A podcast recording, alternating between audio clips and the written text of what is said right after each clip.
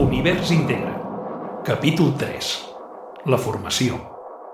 La transició dels joves a la vida adulta és complexa i repleta d'entrebancs. Si, a més, tens una discapacitat lleu o moderada, els obstacles es multipliquen. A la Marta Ricard li van diagnosticar un trastorn de l'espectre autista quan tenia 11 anys. Ara en té 21. Ha acabat els seus estudis a l'itinerari formatiu específic, IFE, i treballa en un restaurant de Sant Joan de les Abadesses. Adeu-siau, timidesa. Guió, Anna Prat. Locució, David Planella. La Marta Ricard té 21 anys i és de Molló, un poble de poc més de 1.000 habitants al Ripollès. Quan en tenia 11, li van detectar TEA, trastorn de l'espectre autista. Abans, però, li havien diagnosticat TDAH. Li van detectar això, van tenia un TDAH Josep Ricard, pare de la Marta. I, i prenia una medicació. Uh, allò feia que estigués 8 hores, que era, coincidia amb l'estona que estava a escola, que estava super tranquil·la, relaxada per, per la medicació, però quan arribava a casa explotava. Uh, I llavors cada cop, a mesura que anaven passant els anys, veies que, que feia, o sigui, que uh, les hores li costaven, o les dates li costaven, uh, fer redaccions li costava, o sigui, era tot molt... Cada, cada cop es quedava més enrere amb tot. A la família el diagnòstic els va arribar per sorpresa i al principi estaven perduts. Home, la primera és, és un xoc bastant fort, perquè eh, primera que no tens ni idea de, de, de què és l'autisme i, i tots tenim una visió de l'autisme que de, de, de, jo sé, sigui de la televisió, de les pel·lícules, d'aquell nen que no diu res, que, que pica de peus, que fa coses rares, que, que dius, hòstia, i ara què, què tindrem, què serà, com ho farem? La Marta feia cinquè de primària a l'escola de Camprodon. En fer-li el diagnòstic, els pares van demanar a l'escola que es parlés sobre el TEA. La resposta del centre, però, els va sorprendre. Vaig demanar a l'escola eh, si podíem fer, fer venir un especialista explicar al resta de la seva classe eh, quin era el seu problema. I a l'escola, com feia primària, ens ho van, no, no, no ens ho van, no ho van acceptar, ens van dir que no, perquè tenien por de que si ho explicaven o hi posien una etiqueta i potser seria perjudicial per ella. Per a la família era important posar nom al que passava a la Marta. De, de fet, ens va ajudar, perquè el que, el que ens, eh, no podia ser era que, que feia tota una sèrie de coses i no en teníem el per què.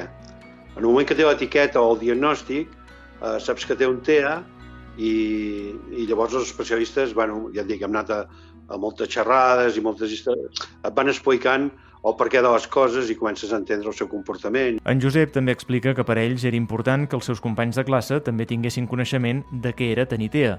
Aquesta etiqueta més pública, però, no va arribar fins a l'ESO. Reportàvem amb una, amb una psicòloga infantil d'aquí de Sant Joan i va venir ella i va fer una xerrada explicant què és un TEA, a, a la classe i als professors i, i, i li va ajudar molt, perquè llavors el reste de la classe va entendre per què ella feia unes certes coses o, o, o, o com ho feia, o totes aquestes coses que, que, que potser no entenien.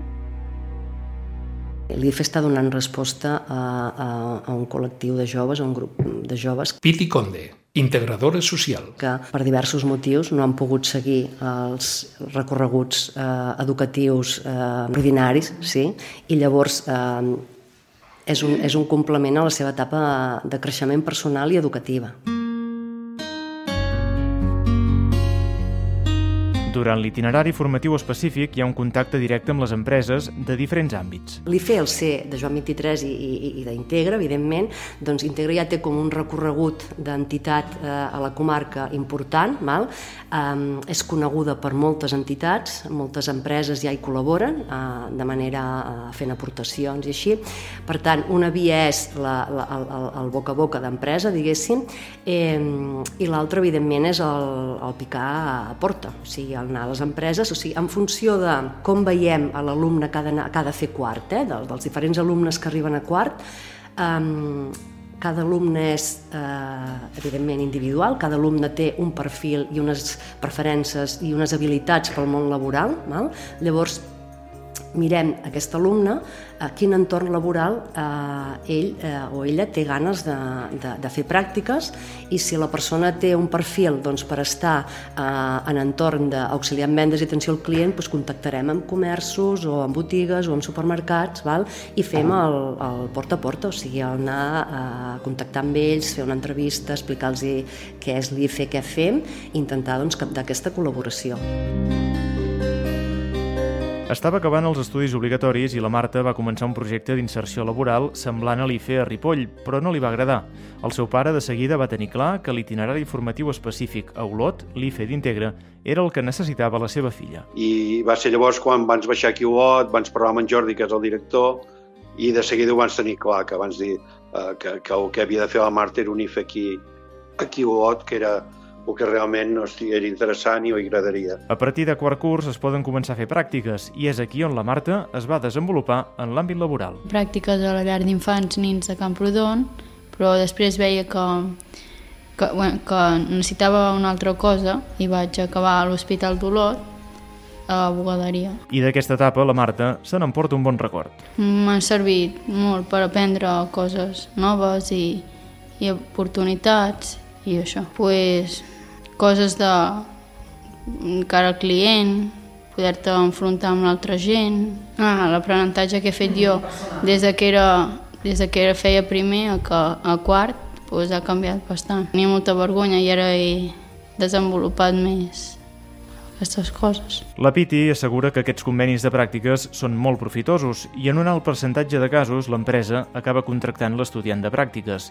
Ara bé, també remarca que és freqüent canviar d'empresa durant el període. Quan estan a quart fent pràctiques, què passa?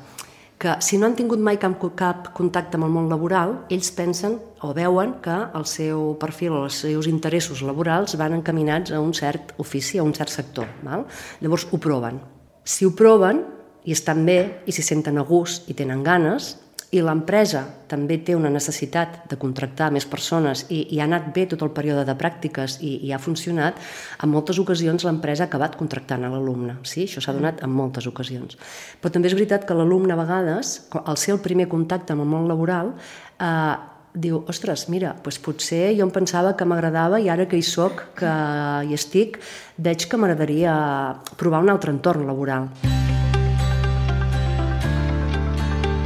Quan la Marta va acabar la seva formació en vendes i atenció al públic a l'IFE d'Olot, va canviar de sector i des d'aquest estiu treballa a l'hotel-restaurant Abatissa de Sant Joan de les Abadesses.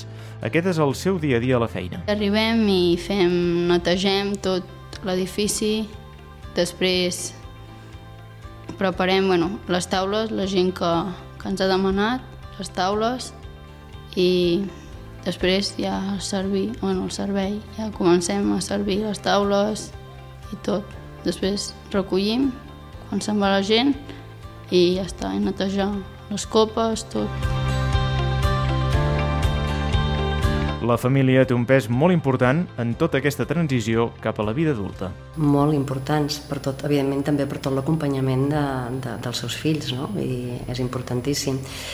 I um, nosaltres ens hem trobat doncs, famílies que quan venen a l'IFE, eh, igual que els alumnes, venen ja de bueno, d'una experiència a vegades eh, que no ha estat potser com esperaven i amb un espòs també eh, de, de, bé, com els hi anirà a l'IFE als seus fills. No? Llavors, mm, I també, perquè no, a vegades doncs, aquesta por provoca una sobreprotecció en segons quins moments també i en segons quines famílies. Llavors, eh, és molt important des de l'IFE també treballar amb les famílies, la comunicació, explicar què fem, com treballem, eh, donar marge a, a decisió als alumnes, no? a, a créixer. No? En aquest punt, en Josep confessa que tenen pors i preocupacions. Bueno, els pors eh, suposo que venen amb el, amb el què passarà quan no hi siguem, no? Aquest és el, el por més gran que tinc, almenys jo.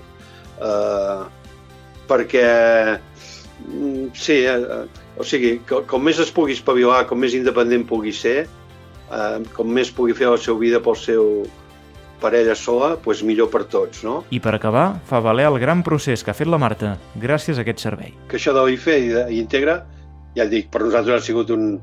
Ha, estat, ha estat molt i molt bé. Però, però més que per nosaltres, per ells, eh? Perquè uh, m'agradaria que haguéssiu pogut veure tots la Marta el dia que va entrar i al cap de quatre anys quan va sortir. O sigui, el canvi ha sigut brutal. És una gran cosa, vull dir que, que així com, com ESO i l'altre vas, va ser una cosa justeta, allò anar passant temps, això ha sigut una cosa de profit, han après, els han ensenyat, eh, eh, s'han espavilat, vull dir que n'estem molt contents.